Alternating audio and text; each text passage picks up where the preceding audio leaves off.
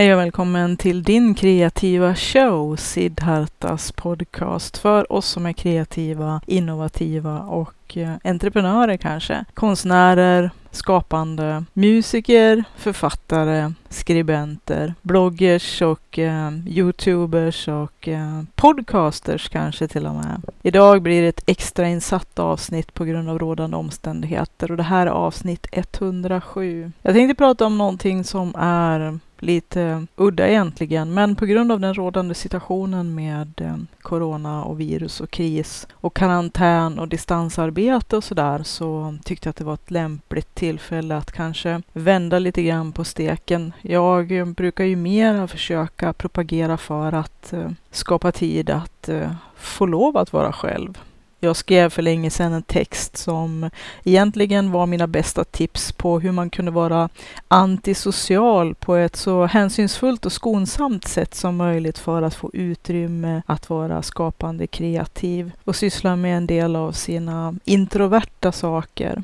Vi som är introverta är ju rätt vana att vara ensamma en hel del och eh, lider inte så mycket av att vara isolerade. Nu när många måste vara isolerade mot sin vilja så är det lite kärvare. Och därför så satte jag mig ner och skrev en lång, lång lista på saker som man skulle kunna göra nu i de här tiderna när man känner att det kanske är lätt att känna sig både isolerad, instängd och kanske lite socialt svältfödd och och eh, lite satt på undantag. Vad gör man nu egentligen? Det är många som eh, helt enkelt börjar känna en viss frustration kanske över sin situation. Jag pratar en hel del om eh, den nuvarande situationen och den här krisen som har blommat upp och lyssna gärna på avsnittet före det här där jag pratar mera om krisen som så. Det här avsnittet tänkte jag mera skulle handla om vad kan vi göra nu när vi är där vi är. Alla trivs ju inte lika bra med att vara isolerade eller att vara ensamma så mycket som vi som är introverta. Men jag ska erkänna att även som introvert kan man ju faktiskt känna av den här situationen därför att det är ju en hel del saker som blir förändrade och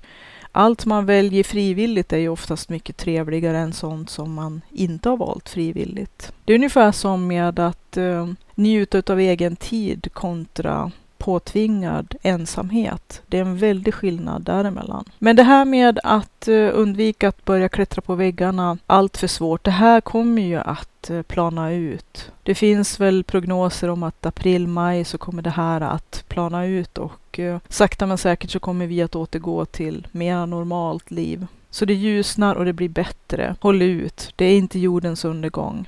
Eh, en hel del skrämselpropaganda har gjort att många är väldigt oroliga. Och det här är ingenting att leka med eftersom att det handlar om att begränsa spridningen för att se till att sjukvården ska orka med. Vi kan inte vara sjuka alla samtidigt. Det är därför det är också väldigt viktigt att vara hemma och undvika att träffa riskgrupper. Men också att undvika att träffa de som är viktiga just nu. Eller som är ännu viktigare, som faktiskt är jätteviktiga hela tiden. Och det här kan ju också vara en anledning att mera uppskatta och förstå och respektera de som jobbar bakom kulisserna en hel del eller i skymundan eller som vi kanske ibland, om vi har otur, måste träffa när vi måste uppsöka sjukhus och vård eftersom att eh, det finns en väldig massa människor som jobbar i samhällsviktiga positioner och funktioner i roller som verkligen behövs och som vi behöver respektera och se värdet i. Men som det är väldigt lätt att när den vanliga vardagen rullar på vara ganska nonchalant eller kanske inte ha så himla stor insikt i hur viktiga de är. Och jag pratar ju förstås om sjukvårdspersonal och jag pratar om alla som jobbar i samhällsfunktioner, alltså de som gör att vårt samhälle fungerar och flyter på. Jag vet att en del av mina vänner som har blivit sjuk nu har fått en ganska så annorlunda syn på sjukvård och på de brister på grund utav att man hela tiden har monterat ner våra samhällsfunktioner och eh, vården inte minst. Nu börjar jag känna att det kanske är faktiskt väldigt vettigt att eh, rikta blicken mot de som alltid har slitit väldigt hårt och då pratar jag om de som arbetar produktivt i de här funktionerna som gör faktiska arbeten, men som får väldigt lite betalt många gånger och väldigt lite uppskattning och bekräftelse på det de gör och bara förutsätts finnas där. Och det kanske också hänger ihop med att en hel del av de här äh, yrkena och samhällsfunktionerna också är kvinnor som driver, alltså sjuksköterskor och äh, de som jobbar i vården. Men vi har ju också en hel del andra personer som behövs för våran infrastruktur. Allt ifrån de som ser till att våra vägar, våran el, internet, butiker, frakt och transport. En massa sådana här olika, ganska osynliga yrkesroller och funktioner som håller upp, upprätthåller samhället. Att skänka en tanke, inte bara en tanke utan även nästa val och eh, att skattepengar kanske ska prioriteras till att upprätthålla en bra och eh, stabil samhällsfunktion helt enkelt. USA fick ju då när man hade den här stora ekonomiska krisen en rejäl uppvakning när man insåg att det här med att ha eh, samhällsstrukturer överhuvudtaget, att eh, det var ganska bra faktiskt att ha ett samhälle som fanns när krisen kommer. Och att eh, vi blir väl lite omskakade nu och på ett vis kan ju det vara ganska nyttigt. Men tänk på att begränsa smittspridning också för att skydda de grupper utav människor som är i vitala roller och funktioner i samhället just nu. Att inte sprida smitta och vara ovarsam med eh, var man är och vilka man träffar och på vilket vis i onödan. Som jag sa i det förra avsnittet att eh, sluta att eh, ta onödiga risker vad det gäller resor och eh, umgänge, att eh, skydda riskgrupperna men också att skydda de personer som just nu sliter för brinnande livet och som vi behöver. Men vi behöver dem faktiskt jämt. Det är bara det att vi inte ser det så tydligt som vi ser det just nu. Men att inte i onödan sprida smitta överhuvudtaget gör ju att också de grupper, riskgrupper och de som nu är i viktiga samhällsfunktioner också automatiskt utsätts för mindre smitta. Så att om du frågar dig själv varför ska jag vara självkarantänad eller varför ska jag begränsa mina rörelser eller vilket umgänge jag har så kan man tänka på att det handlar inte bara om dig. Det handlar om att skydda de grupper av människor som vi vill och behöver begränsa spridningen för att dels jobba på att vården ska räcka till och inte krokna. Och den är det inte än någon risk för. Det verkar som att saker och ting har gått väldigt bra. Under de rådande omständigheterna alltså att eh, det är inte slut på sjukvårdsresurser. Men vi kan inte bli, som sagt inte bli sjuka allihopa samtidigt för att det måste finnas folk som är friska under tiden man tar hand om någon som är sjuka och så sen helst att man överlappar lite grann där för att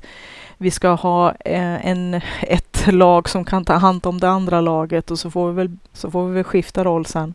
Men att alla kan inte vara sjuka samtidigt för då blir det katastrof. Så därför är det väldigt angeläget att begränsa spridning. De allra flesta kommer faktiskt inte att dö. Jag kollade på siffrorna här om dagen att eh, snittet nu för de som har avlidit i Sverige är 82 år. Det är medelvärdet på de som har, som har dött. Och det spelar ingen roll hur gammal man är man har anhöriga som kommer att bli väldigt krossade om man, om, om, om man förlorar anhöriga, som jag har förlorat anhöriga också, så är det inte, det, det är inte någonting som, det minskar inte sorgen oavsett ålder. Men det jag känner det är att eh, det som myndigheterna har sagt, att de som är 80 plus är i störst risk och de som är multisjuka och de som har nedsatta lungfunktioner bland annat och de som blir varnade för vanliga influenser, att de riskgrupperna, men framför allt nu så verkar det som att snittet på de som avlidit är 82 år. Så att det känns ju som att eh,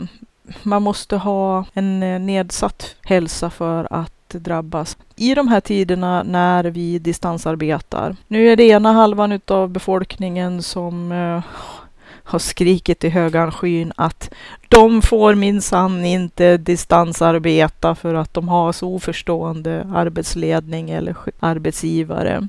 Medan den andra halvan har skrikit i högan skyn ah, och beklagat sig att de tvingar mig att distansarbeta. Så att det, det verkar vara lite grann som att, eh, som vanligt lite grann som nu också för mig som är introvert, att jag känner att det skulle ju vara ganska kul att gå på fest och träffa lite folk. Det som också är lite typiskt, att det som man inte kan, eller som just nu är en begränsning, det är det som man då känner blir så himla viktigt. Har man rakt hår så önskar man sig lockigt hår, har man lockigt hår så drömmer man om rakt hår. Det blir aldrig bra, det kan aldrig bli det.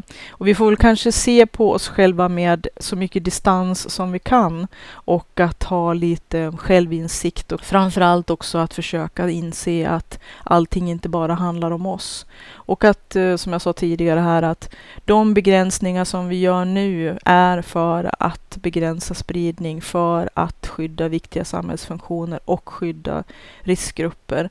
Och samtidigt som vi skyddar de som har viktiga samhällsfunktioner så ger vi också förutsättningar för dem, speciellt de som är i riskgrupper, att kunna få vård och hjälp. Och också samtidigt att vi ska försöka upprätthålla vårt samhälles funktioner så smidigt och eh, så bra som det bara går under de här omständigheterna. Om några månader kommer vi kanske ha glömt alltihop och tycker att vad var det vi hetsade upp oss så mycket över. Men jag tycker att det är viktigt att eh, ändå Förhoppningsvis så kommer vi att ha anledning att kanske tänka så att vi kanske kan glömma det fort ifall att det inte fick några extrema effekter. Och det hoppas jag verkligen att det inte ska få. Inte glömma det vi har lärt oss under den här resan. Jag vet att eh, jag satt och lyssnade på en eh, Youtube-person som jag följer lite grann som handlar om hantverk. Så det handlar verkligen inte om eh, någon krisgrejs och sådär. Men att hon lever i Kanada, i Toronto tror jag. Och de har ju varit igenom en hel del liknande sådana här situationer med dels sars två svängar och galna ko-sjukan och nilmygg och eh, ett väldigt stort nära på nationellt elavbrott under lång tid och sådana här saker. Så att eh, de är ganska luttrade och vana vid eh, den här typen av situationer. Men det är aldrig roligt. Det är bara det att man får helt enkelt finna sig i att livet blir lite annorlunda och lägga om sina vanor och sitt sätt att tänka och Eh, sin, sin livsföring ett tag. Och framför allt, jag tycker det är viktigast, för det första tänka, det här kommer att bli bättre. Och vi kommer förhoppningsvis ut starkare på andra sidan och har lärt oss en massa saker. Det kanske inte är det mest optimala och önskvärda sättet att lära sig saker, men det jag har lärt mig det är att de hårdaste läxorna som livet ger en är oftast de som är mest värdefulla. Det finns många andra sätt att lära sig på som skulle vara långt mera trevliga och önskvärda, men man får inte alltid välja. Och därför så får man helt enkelt försöka också se de positiva sidorna och det som är bra, som man kan ta med sig, det man har lärt sig av det här och komma ut starkare på andra sidan och med en bättre förståelse, bättre beredskap och kanske också med lite andra värderingar. Att man får faktiskt tänka om, omvärdera, reflektera. Som jag pratade om i förra avsnittet, så lyssna gärna på det. Men idag så tänkte jag att jag skulle prata om det här med vad kan man göra för att inte klättra på väggarna eller klättra på varandra? För att det blir ju nu så att vi kommer att sitta ganska många i mindre oftast familjegrupper kanske, som blir hemma mycket mera och kommer att vara mycket närmare varandra. Och vi kommer kanske också ha, som vi i alla fall känner just nu, mycket mindre att sysselsätta oss med som gör att vi blir frustrerade och kanske också att det kommer att inverka negativt på våra relationer och våran trivsel och på vårat eh, mående.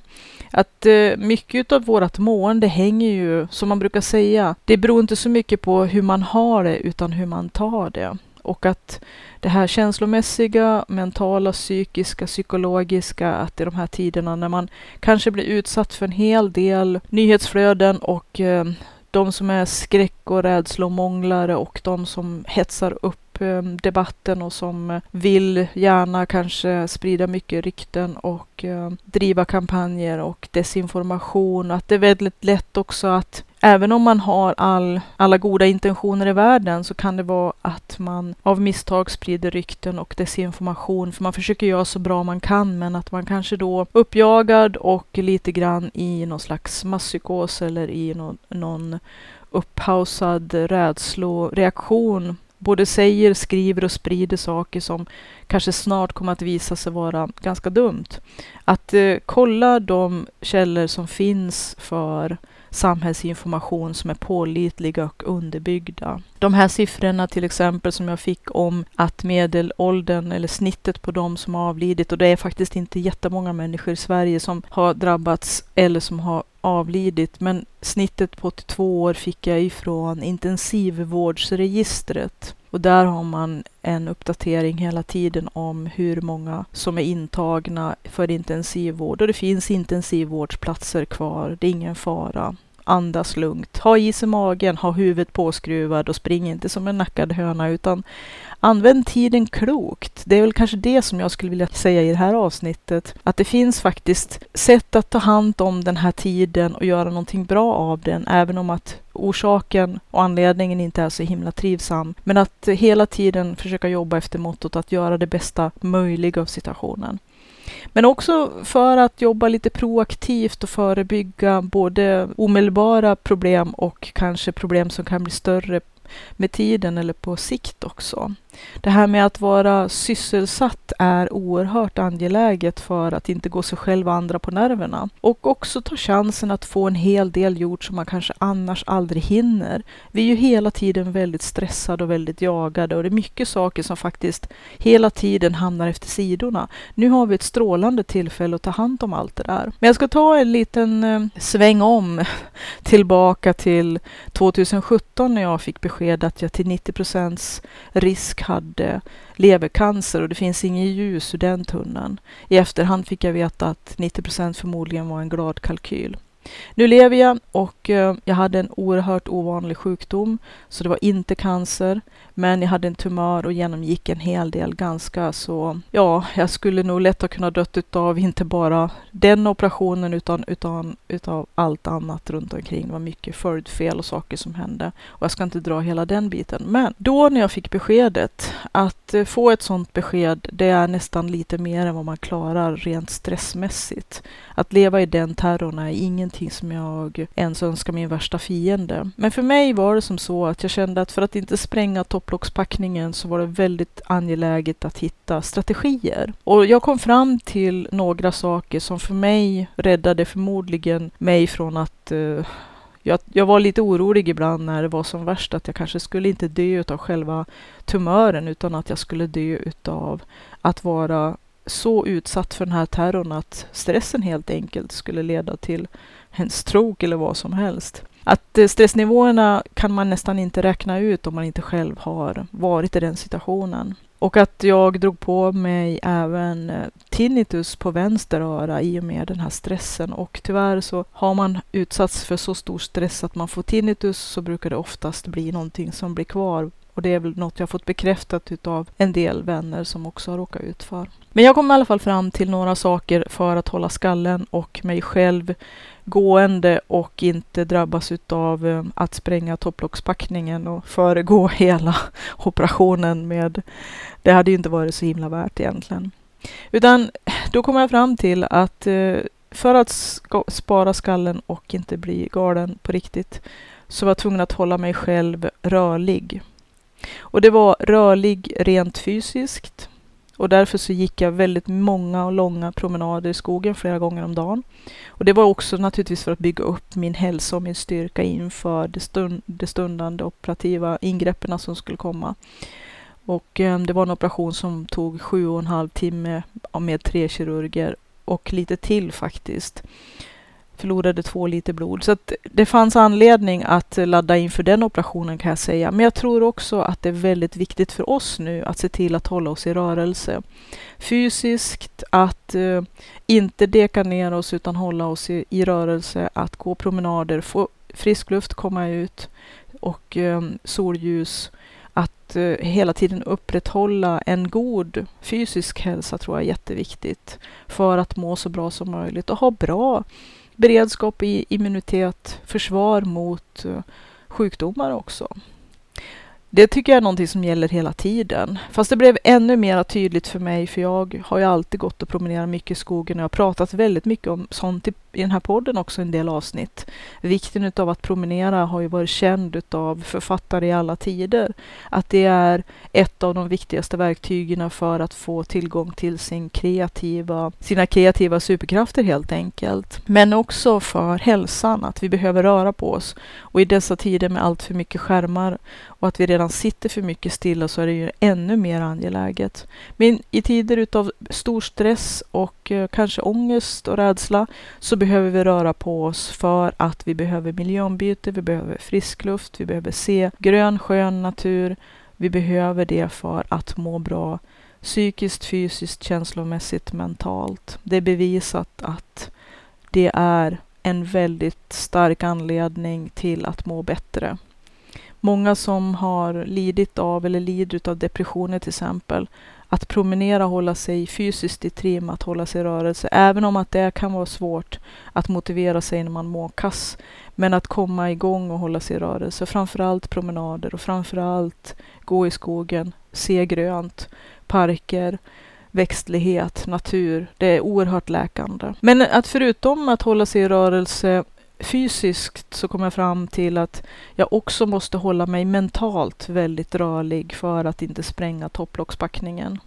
Och eh, det här med att hålla sig rörligt mentalt, det är helt enkelt att eh, inte sitta och grotta eller ha en massa tid att eh, peta runt navelludd utan att hela tiden hålla sig sysselsatt och att göra meningsfulla saker, att vara drivande i sin egen sysselsättning och i att hålla sin skalle, hålla sig själv mentalt rörlig, att använda sin fantasi inte till att skriva, hålla på med massa skräckscenarier och grotta ner sig, utan att eh, jobba kreativt. Kreativiteten, jag pratade om det i några avsnitt då från och med 34 då när jag råkade ut för det här, eller när jag berättade om det i vart fall.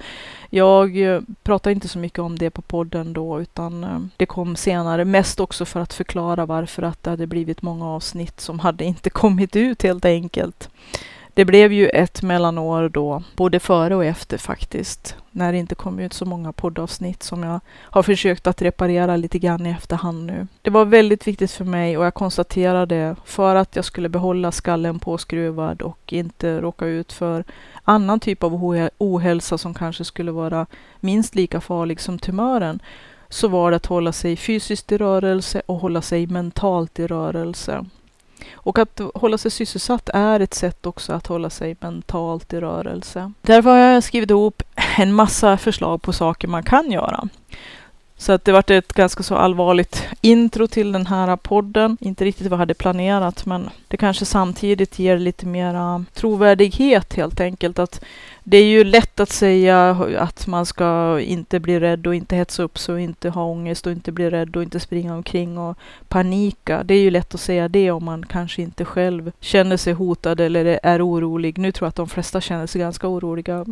Om inte annat för sina kanske äldre anhöriga som är i riskgrupper eller om man har folk i sin närhet som arbetar inom vård och så, som måste, jag tycker också att en viktig del i att hålla sig sysselsatt kan ju faktiskt vara att stötta de personerna som jobbar i vård. Om man har dem i sin direkta närhet. Om det är ens nära och kära eller vänner och bekanta som arbetar inom vård eller i andra samhällsupphållande funktioner. Att eh, försöka göra det man kan för att stötta dem. Främst naturligtvis undvika att utsätta dem för smitta som jag sa tidigare, men om man kan hjälpa dem och avlasta dem på andra sätt. Det finns säkert många sätt man kan visa dem uppskattning och bekräftelse, helst utan att eh, utsätta dem för onödiga risker förstås, och att eh, kanske avlasta dem med saker som de annars måste göra i sin vardag, som de kanske inte riktigt räcker till för. Nu jobbar de för brinnande livet. Men för att återgå till att hålla sig sysselsatt. Jag skrev ner ett eh, gäng med baksidor utav kuvert, min vanliga modus operandi, saker som man kan göra för att eh, hålla sig i rörelse. Nu ska jag försöka bläddra här bland alla mina kuvert så att jag hittar de som ska vara med i den här lilla. Där har vi dem ja. Hur ska man göra för att eh, må så bra som möjligt när man är själv, kanske självvalt eller påtvingat isolerad arbetar kanske på distans eller är satt i karantän eller är sjuk och är i karantän eller för att i förebyggande för att inte smitta andra eller för att man har själv är i riskgrupp eller för att man kanske har nära kontakt med människor som är i riskgrupp, anhöriga som man måste ta hand om. Vad gör man när man kanske är väldigt mycket mer isolerad än vad man är van vid? Och jag har ju pratat lite grann om det här med att vi kommer att klara det här bra. Det kommer att lösa sig. Och om några månader så kommer det här att, eh, att bli en mera utplanad kurva. Vi kommer att komma ut starkare och det kommer att ljusna, det kommer att bli bättre. Och det är en begränsad tid. Det kan kännas som att det är forever and forever och att vi klättrar på väggarna och blir galna. Men det är faktiskt någonting som är på väg att lösa sig, tänkte jag säga.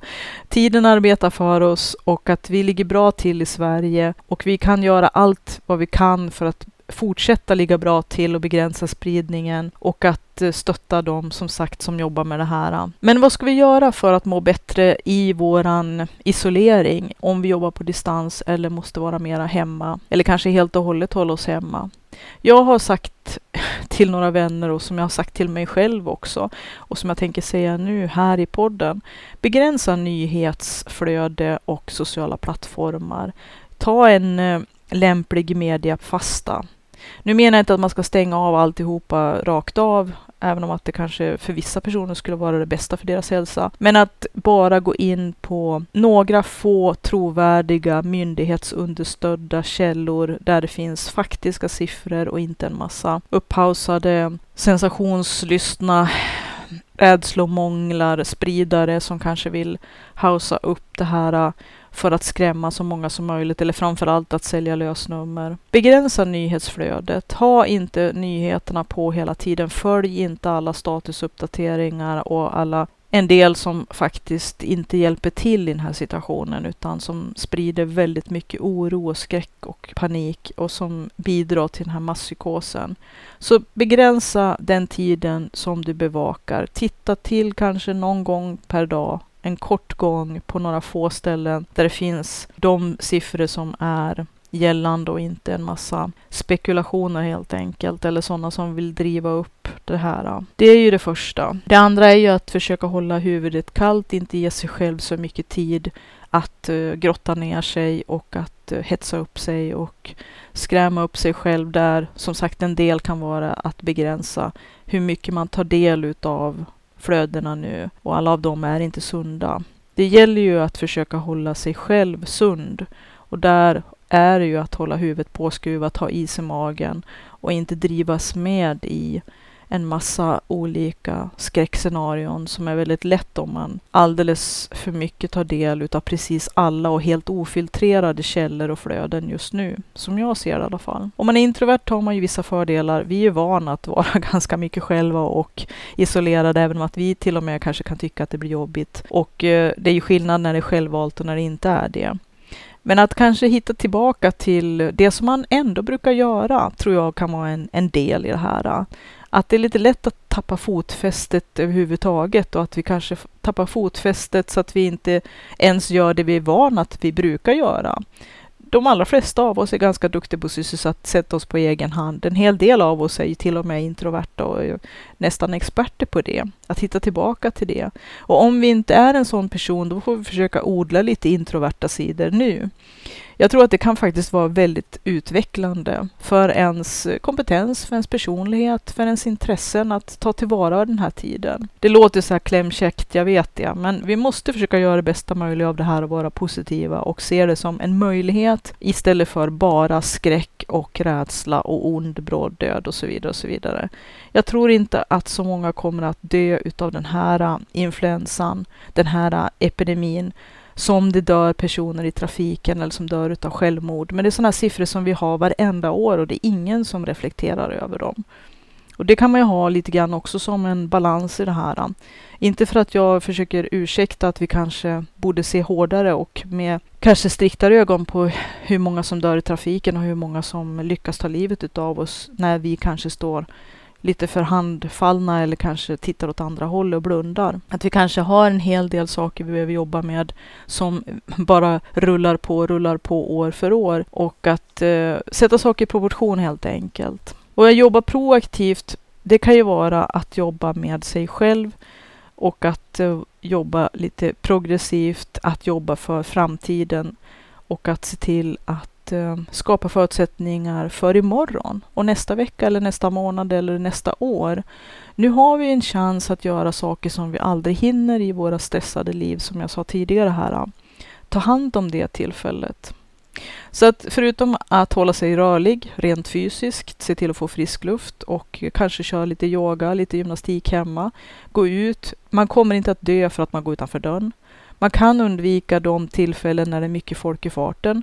Man kan undvika att möta andra ifall att man är rädd för smittspridning. Och att eh, det finns tillfällen när det är lättare att få ja, slippa möta alldeles för mycket människor helt enkelt. Hitta de tillfällena och de platserna där man kan vara mera i fred eller ha ett eh, skapligt säkerhetsavstånd till andra. Men att förutom det också se till att jobba på sin hälsa på andra plan. Ta tillbaka en hel del av förlorad sömn till exempel.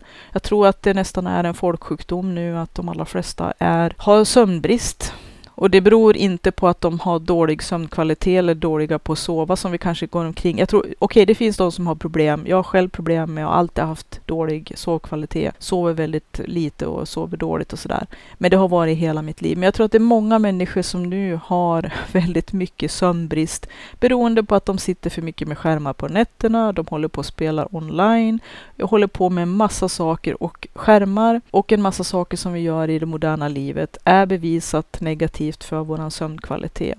Nu har vi chansen att få sova ikapp lite grann. Ta den. Se till att komma i tid i säng, stäng av alla devices, ha skärmfri tid, ha mediafasta. Det tror jag kan vara oerhört hälsosamt just nu. Återinföra lite fasta tider och vara lite strikt och sova. Kanske köra lite powernaps, återhämta sig, fysiskt från kanske väldigt många års sömnbrist. Dels kanske på grund av våra stressade liv, men jag tror också på grund av en hel del ofog eftersom att vi har en dålig karaktär när det gäller sociala plattformar och spel och allt som vi håller på med online. Lägg ner skärmarna ett tag och gå ut i skogen och eh, sov i kapp skaffa tillbaka sömnen. Och jag tror också genom att jobba på sin hälsa jobbar man ju också automatiskt på sitt immunförsvar.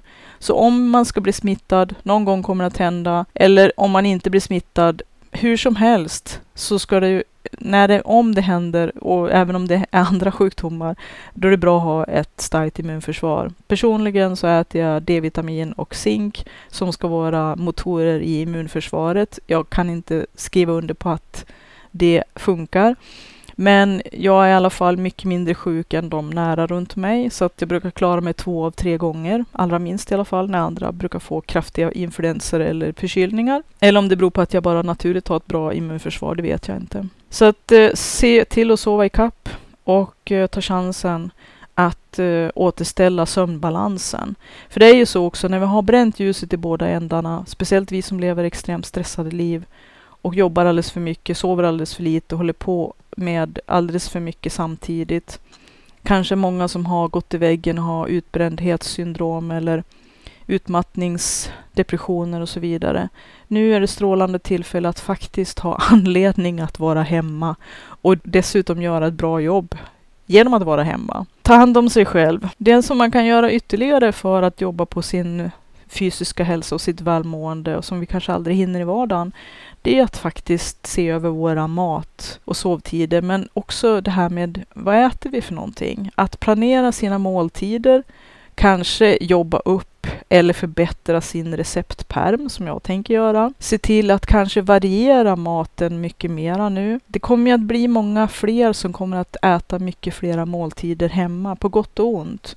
Vissa skolor har ju varit stängda så att många har ju också fått försöka trolla fram mera mat hemma än vad man är van vid. Och är man ensamstående mamma med tre barn och kanske har svårt att få pengarna att räcka i slutet av månaden så kommer ju det inte att underlätta. Eller om man är ensamstående pappa för den delen. Nu är det ju många som är skilda och det innebär att man måste ha lika stort boende oftast och eh, barnen ska ha dubbla utrustningar på två ställen och eh, äta och ha kläder och utrustning. Så det, det blir för många väldigt knackigt och att servera ytterligare måltider hemma kan göra att det, det blir ju trängt läge helt enkelt. Då måste man vara mera kreativ och det finns en sajt som heter Under tian. Så att det finns en person som har skrivit två receptböcker och som har en sajt med nya måltidsförslag och eh, veckoplanering för varenda vecka med måltider som kostar under tian styck. Och eh, jag tror att det kan vara utmärkt tillfälle nu också att se över sina matvanor, försöka kapa kostnader kring sånt som kostar mycket pengar och bara tillför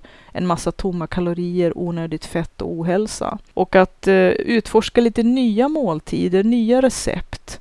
Att eh, utveckla det man har och förbättra det. Jag har en receptperm som jag har jobbat på ett par år nu, men den växer och blir bättre och bättre. Men att för mig är det viktigt att det är hyggligt lätt tillagat, att det går ganska fort och det får inte kosta för mycket. Men att det ska vara rimliga recept som man blir motiverad att göra. Blir de för komplicerade, det är för mycket ingredienser, eller blir för dyrt eller för omständigt att laga, då blir det inte av. Utan det ska vara recept som man lagar och som man tycker om att äta. Och gärna billigt då också.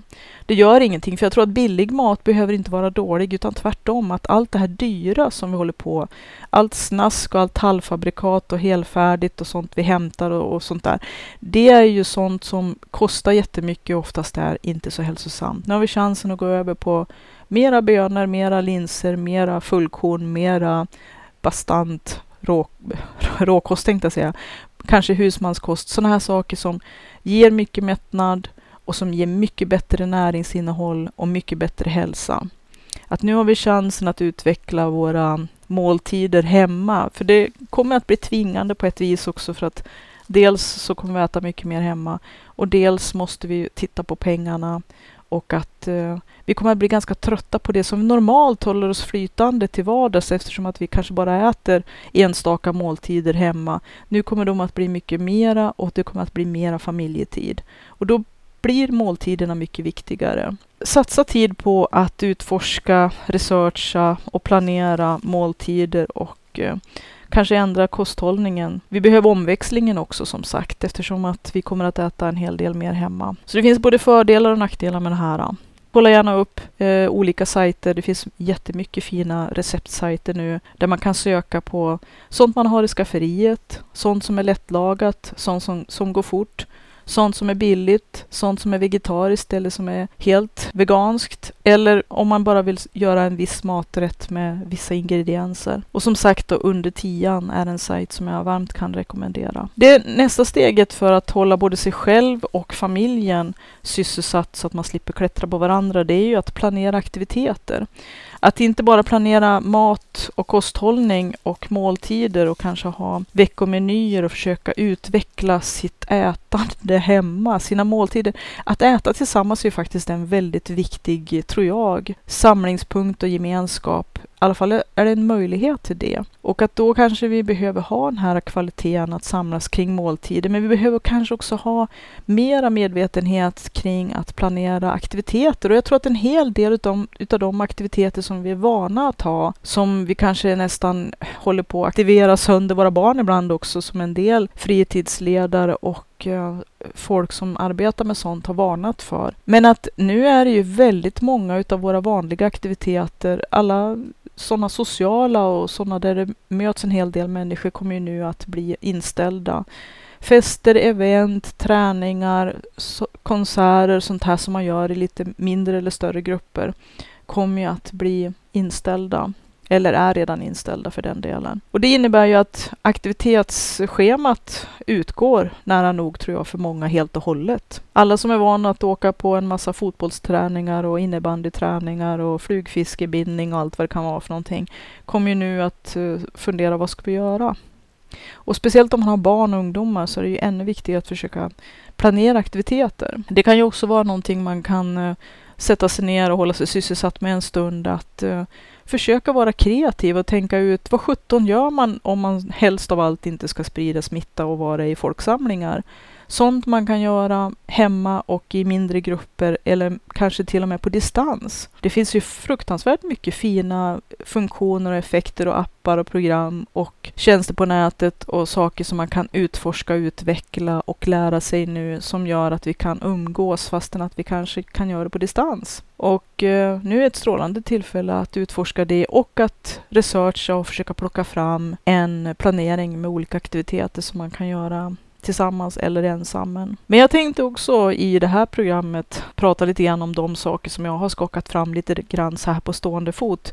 Det blev en hel del baksidor på kuvert här så får vi se vad jag hinner igenom. Men passa på att göra saker som du inte hinner annars. Hämta tillbaka allt det här som har legat vid sidan och som bara växer till större och större berg. Det låter skittråkigt, men jag tror att du kommer tacka dig själv sen. Och man behöver inte jobba med det hela tiden, för det kan man ju bli rätt trött på. Sätt en timer på en kvart, 30 minuter, en timme och jobba undan. Eller gör det i omgångar under dagen. Rensa skåp och lådor, gör ren ugnen, rensa kyl och frys, gå igenom skafferiet, släng bort gammalt och eh, gå igenom kryddhyllan. Där brukar man hitta en del fynd som har passerat bäst före-datum för tio år sedan ungefär. Så att det finns säkert en hel del saker. Rensa ut garderoben. Kolla igenom alla dina samlingar. Vi har ju en hel del sådana. Vinden, källaren, garaget. Gå igenom allt. Men ta ett steg i taget. Jag har ju pratat ganska mycket om det här med dekluttering. Så gå tillbaka till tidigare avsnitt av podden. Just det här med att eh, ha koll på alla sina prylar och sin tid och allt det här. Så där finns det lite resurser. Men försök att komma ikapp med saker som bara har hamnat efter sidan. Eller sånt som du hela tiden tänker, jag önskar att jag hade kunnat haft tid att få ordning på det här. Om det är frimärkssamlingen eller fotosamlingen eller alla albumen eller om det är digitalt. Om det är kanske släktforskningen, alla dina researchpapper för det här skrivprojektet. Eller bloggen som du har ständigt dåligt samvete för som bara ligger i träda. Alla de här sakerna som du faktiskt vill göra och som du hela tiden önskar att du fick loss en minut att syssla med. Nu har du strålande tillfälle att ta tag i det här äh, och komma ikapp. Vilken härlig känsla att komma ikapp och känna äntligen blev det här gjort. Halleluja! Mitt starkaste tips, och det är det jag håller på med själv jättemycket just nu. Jag är i en sån fas av livet kan man säga. Men man kan ju också passa på att eh, köra en del onlinekurser, att utveckla sig själv, läsa, lyssna på poddar, lyssna på ljudböcker, hitta onlinekurser, Youtube tutorials, utveckla sitt kunnande och hitta nya kunskaper och att eh, utveckla sin egen kompetens passa på att kursa helt enkelt. Man kan göra det, onlinekurser finns det. Man kan skriva in sig på kortare eller längre utbildningar eller distansutbildningar, kurser på nätet. Kolla upp, researcha och gör saker som du annars aldrig skulle tillåta dig för att du har inte tid, du är för stressad.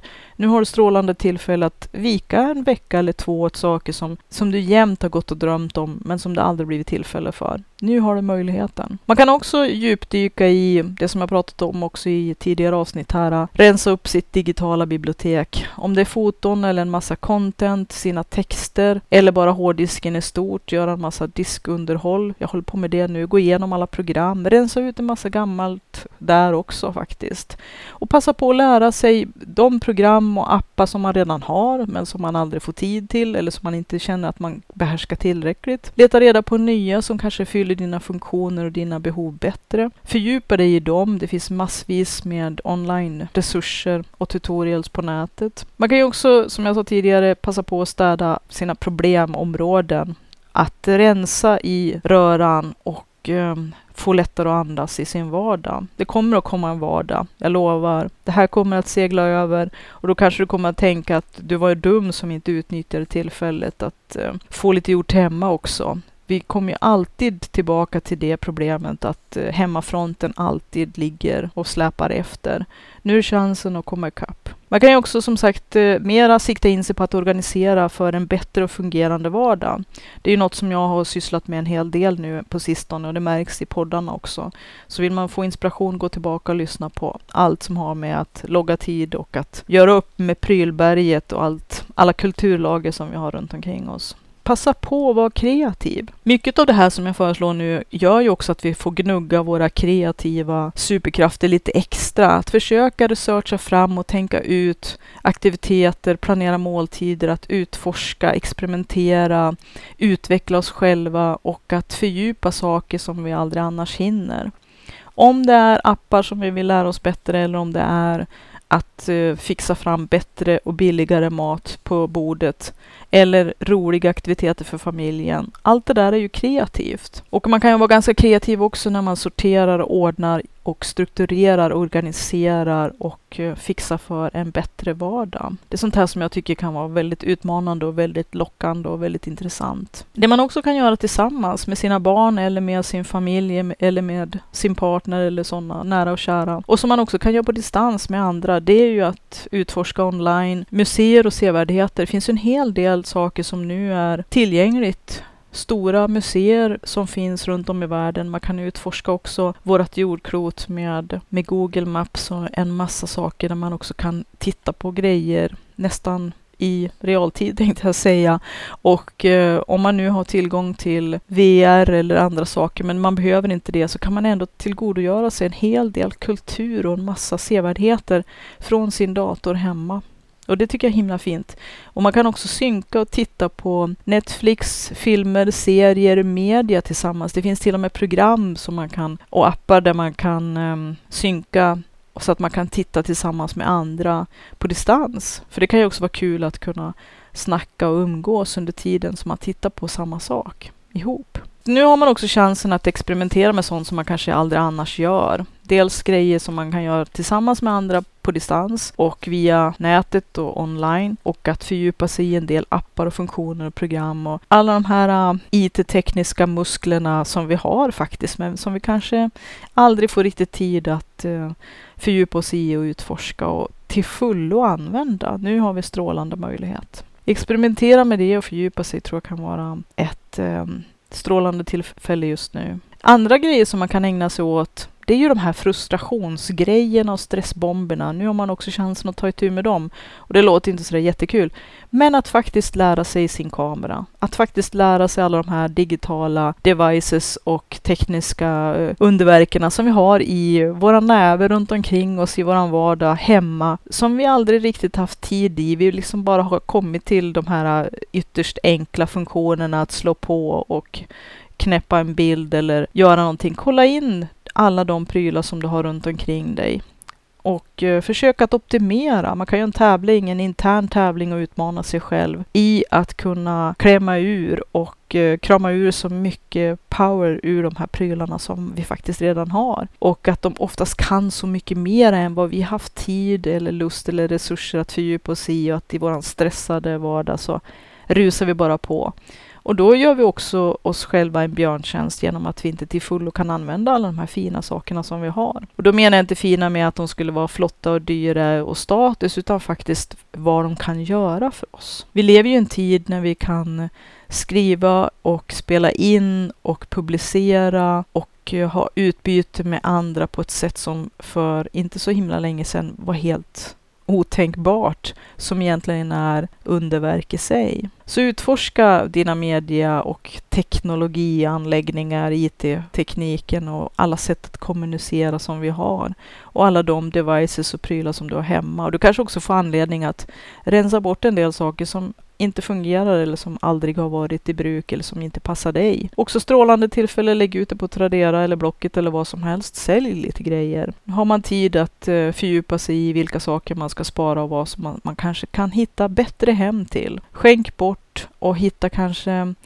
aktiviteter som kan vara supportande och stödjande för andra grupper i samhället. Och framförallt kanske just nu som sagt, de som jobbar med att uh, hålla vår samhällsstruktur uppe. De kan ju vara bra att tänka extra på. Det man kan göra mer det är att mecka sina spellistor och skapa lite såna här eh, uppbeat, såna här empowerment-listor för att spela och uh, kanske också ha när man är ute och går och promenerar men också när man kanske kör sina fysprogram eller bara för att helt enkelt få mental kraft och styrka att eh, ladda upp sig själv med sånt man vet att man blir starkare, mår bättre av och blir lite pumpad av. Skaffa sådana spellistor eller skapa nya. Du har ju också chansen nu att som sagt återuppväcka, återupptäcka den här bloggen som du drömde om att skriva men som föll lite i träda. Du kan jobba med dina bilder, dina digitala bildbibliotek, allt det mediamaterialet som du kanske har, sortera dina filmer, din musik eller kanske ditt eget content, ditt eget innehåll i form av foton, videos och ljud kanske. Kanske också få dela det, lägga ut sånt på ja, det material som är lämpligt att eh,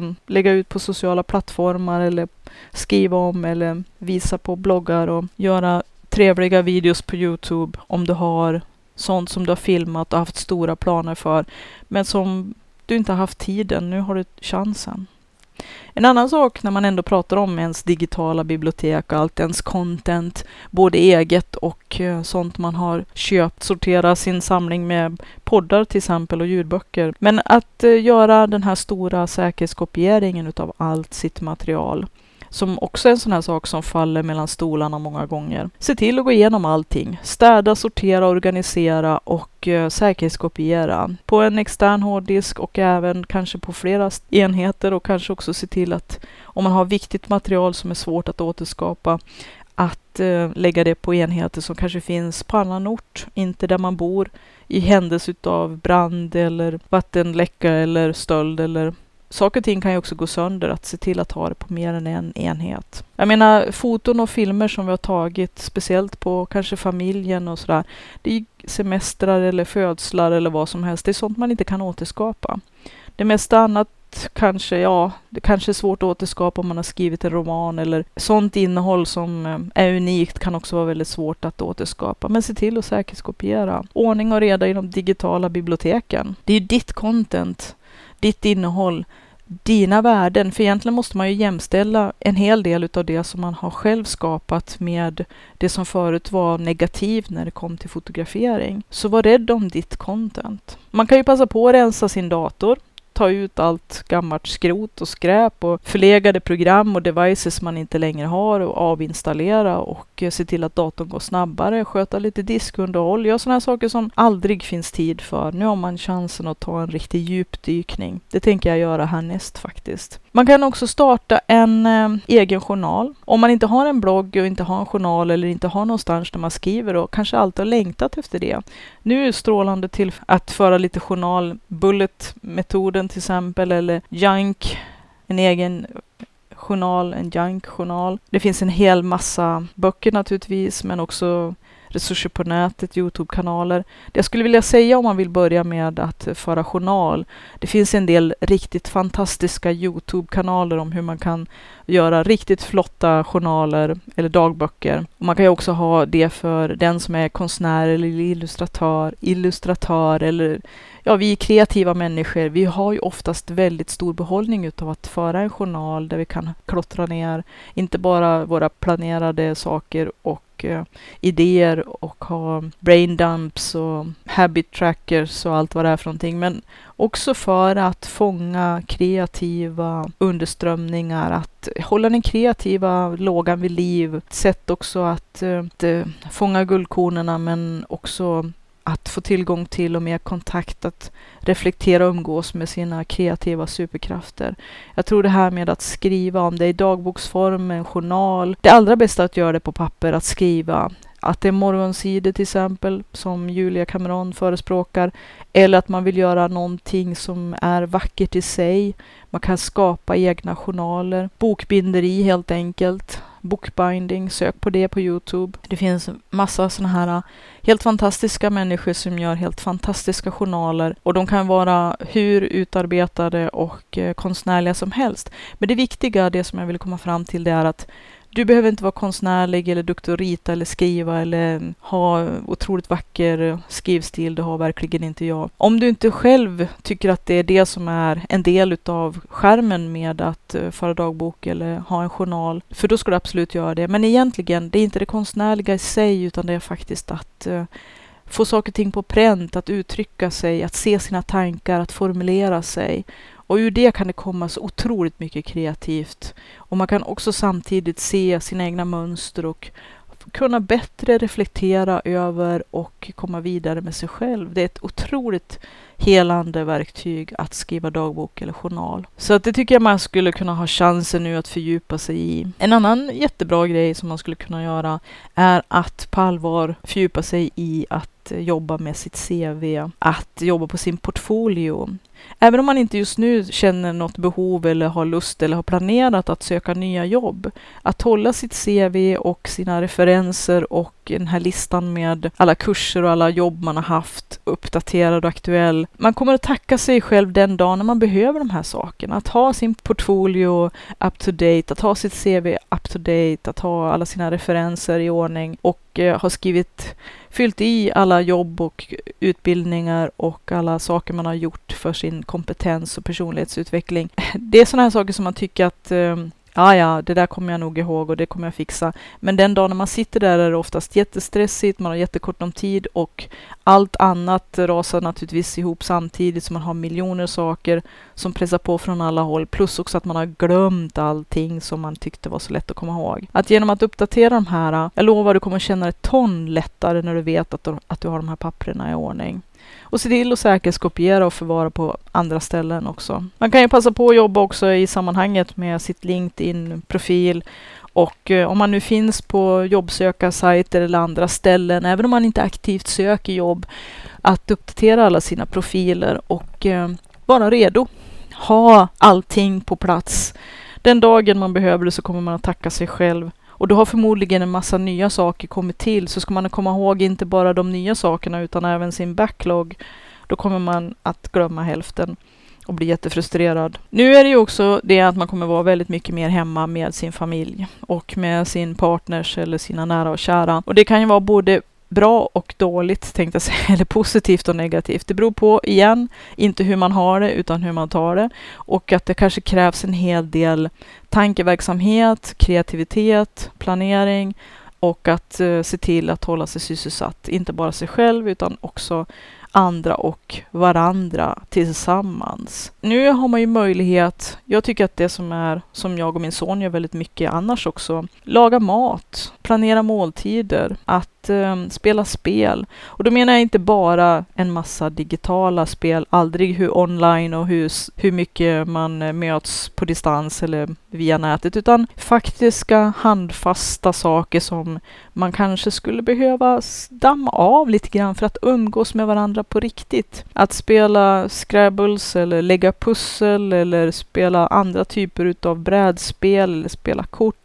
Att göra saker ihop. Det kan ju vara att man går ut också att eh, fotografera, gå promenader och röra på sig. Göra saker ute på gården tillsammans med varandra. Jag tror att vi behöver återuppväcka en hel del av det här. Och nu är det nog nästan också angeläget. För ska man vara ärlig jag börjar få ganska ont i häcken utav att sitta så mycket framför datorn och ibland är jag ju tvungen att göra det för att en hel del av mina jobb, mina verksamheter går ut på att Eh, hacka hemsidor, att eh, hålla min eh, webbutik uppdaterad, alla bloggar och sociala plattformar, Youtube-kanaler och poddar och redigeringar och allt vad det är för någonting, profiler hit och dit. Men att i de här tiderna när vi kanske är satta mera hemma, både frivilligt och ofrivilligt, när vi kanske också jobbar en hel del mer på distans och att vi är självvalt eller inte självvalt i karantän, självisolerade, så blir det väldigt mycket skärmtid.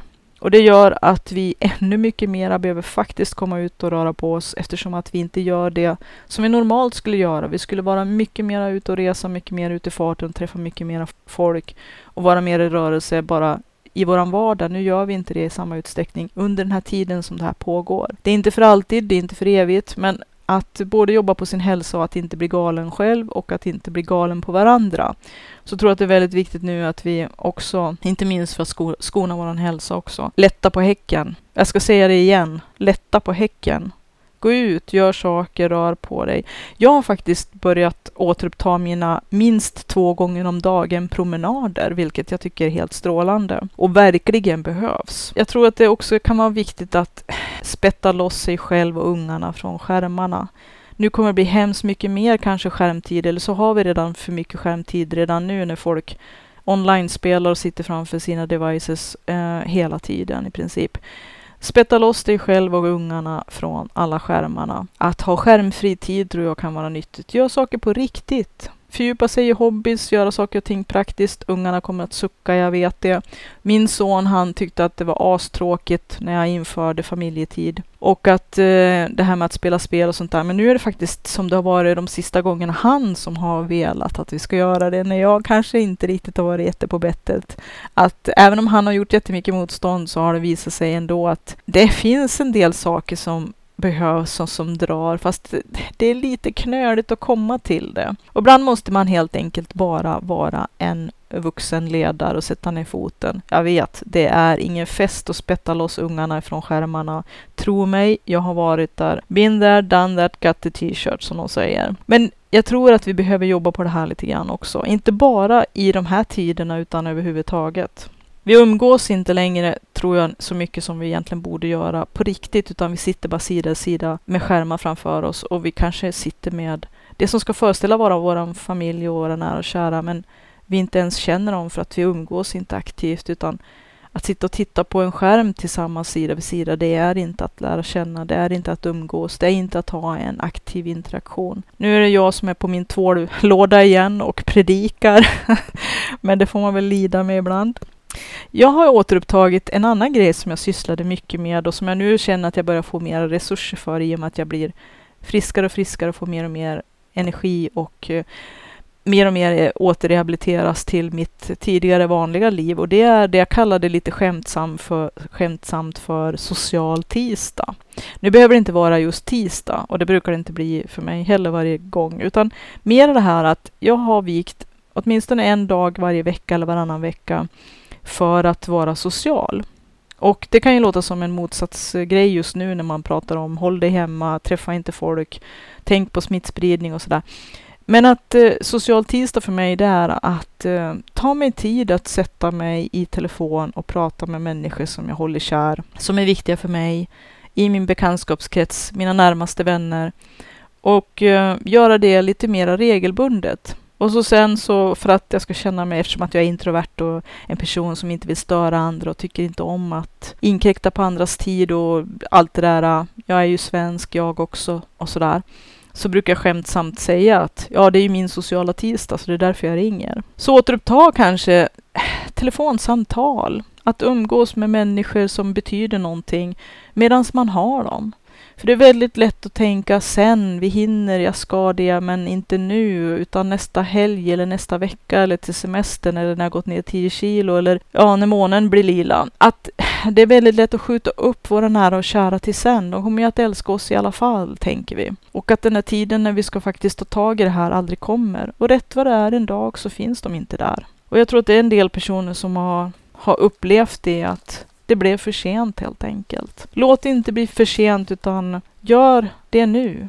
Och det här med att återuppta eller kanske inleda mera socialt med andra, förutom kanske telefonsamtal, att uh, chatta och kanske mera ha längre konversationer via mail eller text eller via sin blogg eller vilket sätt man nu väljer att kommunicera på via Skype eller via Discord eller Zoom eller det finns en massa olika sätt att umgås utan att träffas och som en del har alltid funnits och en del är lite nya.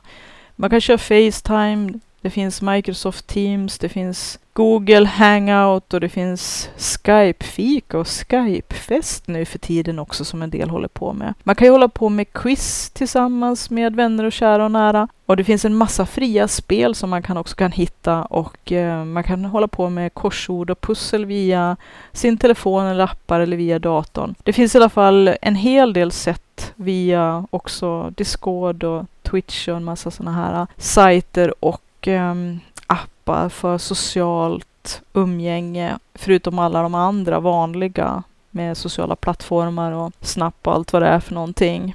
Så att eh, här har man också möjlighet att kanske utforska lite nya sätt att eh, träffas och umgås. Man kan göra en hel del tillsammans fastän om att man inte är i samma rum eller inte ens i samma världsdel. Förutom att spela online-spel. För jag menar, jag kan tänka mig att, eh, att spela online-spel är ju också kanske ett sätt att umgås, men att kanske göra lite mera aktivt och um, på andra sätt, inte bara spela. Men också kanske försöka hitta alternativa sätt till att göra allting via datorn på distans också. Så kanske är lite mera gammaldags. Skriva vykort, att skicka ett brev. Hur många har fått ett brev det senaste året? Som någon har skrivit för hand. Det är ju nästan en... Eh, så ovanligt att det måste nästan vara ett unikum, en, eh, en guldskatt kanske. Men som jag var inne på tidigare så kan man ju också passa på att rensa sitt mejlarkiv, rensa sin fotosamling, sin fysiska fotosamling alltså. Alla sina fotoalbum, om man nu har sådana. Man kanske vill eh, rensa lite grann på alla möjliga ställen. Och då kan man ju, som jag sa tidigare, gå in i alla de utrymmen som man normalt sett bara försöker förtränga att de finns. Garderoberna, skrotskrubben, skrotrummet, vinden, källaren, garaget, eh, borden, boden, ja, vad man nu har för någonting, uthuset. Rensa och eh, lätta på lasten och man kan också samtidigt hitta återfinna skatter och sånt man har. Jag pratar en hel del om det här med shop at home, att handla hemma. Inte köpa nytt utan faktiskt kolla vad man redan har men har glömt bort. Och göra bruk av det. Och sånt man inte kan göra bruk av, att skänka, ge bort, kan hitta nya bättre hem till de som kanske kommer att uppskatta och använda det mycket mer än vad vi kommer att göra. Man kan sälja via Tradera och Blocket. Nu är också en strålande tidpunkt att starta nya eller utveckla sina gamla hobbys och hantverk och konsthantverk och sånt som man är bra på. Det kanske till och med är sånt man gör med händerna. Sticka, virka, sy, skapa på olika sätt. Och i samband med det, det kan ju vara smyckeshantering eller smyckeshantering, smyckesdesign och smyckestillverkning. Jag har ju en hel pyssel och smyckestillverkningsbutik. Man kan köpa böcker och presenter och färdiga smycken som jag gör också som är one of a kind, alltså unika. Men man kan ju också göra sådana själv. Eller pyssla med sina barn eller pyssla med sig själv. Att hitta nya hobbys är ju nu en strålande chans och först och främst shoppa hemma. Kolla vad man redan har, för oftast har man ju köpt på sig en massa saker som just då när man hade inspiration eller ville göra någonting, men som sen inte blev av eller som man inte hade tid och så följde glömska och så ligger i lådor och sådär.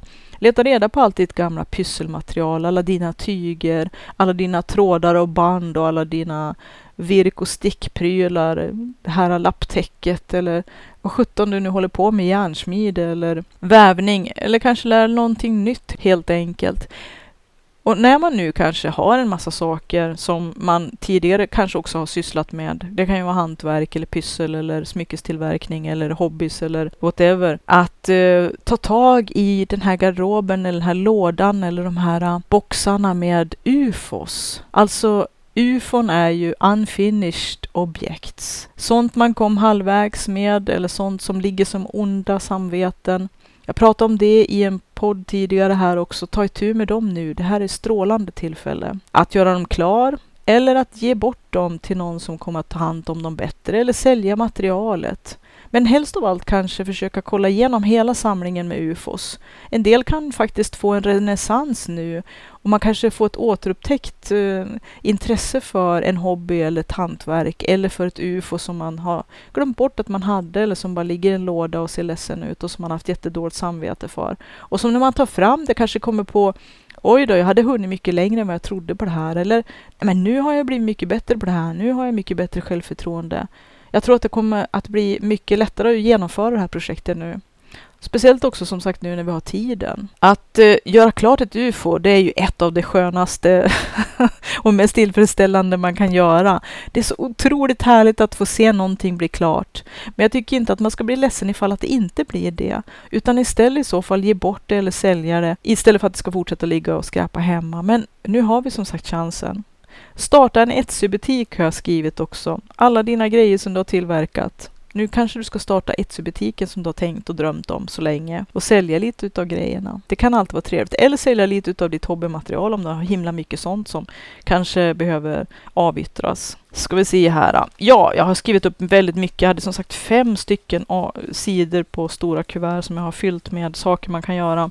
Jag vet inte om jag kommit halvvägs ens en gång och nu har vi passerat en timme så jag kanske får dela upp det här eller återkomma. Men jag tänker att det finns några saker som jag skulle vilja ta upp som man kan göra hemma och det är ju att jobba med sitt hem helt enkelt. Förutom det här med att röja och rensa och städa och fixa och dona och sortera och organisera så kan man ju faktiskt också syssla lite grann med att möblera om, att ta hand om tiden, måla och eh, sy och kanske framförallt shoppa ett home. Kolla vad du har redan köpt som du har tänkt att dekorera ditt hem med. Eller växelbyt till saker som du har i ditt förråd eller din vind eller din källare. Skapa lite nytt fräscht hemma, testa lite nya sätt att möblera, utforska lite heminredning men utan att kanske fastna i heminredningsmagasinens förlorade värld utav eh, drömhem som jag tror att de allra flesta inte skulle trivas i att bo ändå i om jag ska vara krass. Men heminredning, trädgårdsarbete, att eh, förbättra saker och ting hemma, ägna sig åt att reparera saker som länge har legat trasigt. Eller avyttra det helt enkelt. Det kanske är dags att göra slut med saker som bara har legat och sett ledsna ut och som har dragit ner en massa ont samvete. Men det kan ju också vara oerhört tillfredsställande att äntligen få laga de här sakerna som vi hela tiden har tänkt på att vi skulle vilja fixa.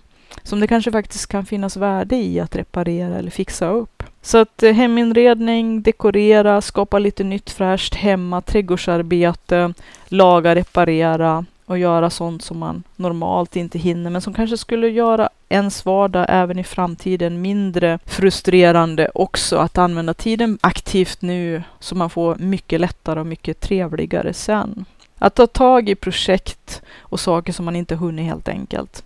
Eller som man inte har hunnit överhuvudtaget men som man har tänkt skulle vara så otroligt proaktivt och progressivt och som kunde hjälpa en så hyggligt mycket på lång sikt bara man tog sig tiden att göra det. Att investera den här tiden som vi så sällan har till vardags för att bättra grejer på sikt. Städa problemzoner har jag skrivit. Organisera för en bättre vardag som fungerar mycket bättre. Passa på att vara kreativ. Skrapa av lite av alla gamla samlade synder. Otroligt tillfredsställande. Passa på att experimentera, lära sig nytt, fördjupa och att researcha. Du kommer att komma ut starkare ur det här, jag lovar. Det kommer att ljusna, det kommer att bli bättre och vi kommer att ha möjlighet nu att få se på saker och ting på ett helt nytt och annorlunda sätt. Håll dig i rörelse. Det är vad jag vill avsluta det här med. Fysiskt, mentalt, kreativt. Ha det så gott. Titta gärna in på www.sidharta.se. Jag som har pratat heter Katrin Sidharta Tangen, författare och hjärnsmed, bland annat, till din tjänst. Skriv gärna en rad. Du hittar mina kontaktuppgifter med min mejladress på www.sidharta.se. Där kan du skriva om din egen kreativa resa, komma med tips, råd, frågor, saker du vill att jag ska diskutera i podden eller bara säga hej. Om du känner att du vill visa att att du bryr dig och det här är en podd som du vill supporta. Det finns en länk på www.sidata.se som heter bidra. Det är allt ifrån att ge den här podden betyg, att skriva en trevlig kommentar, att dela, sharing is caring och att om man känner att man också vill stödja lite till, bli Patreon eller ge ett bidrag via Buy Me och Coffee och Paypal och Payson. Alla möjligheter finns. Ha det gott där ute och stay strong! Stay safe. Stay sound. Stark, sund, håll i rörelse. Lycka till. Vi hörs.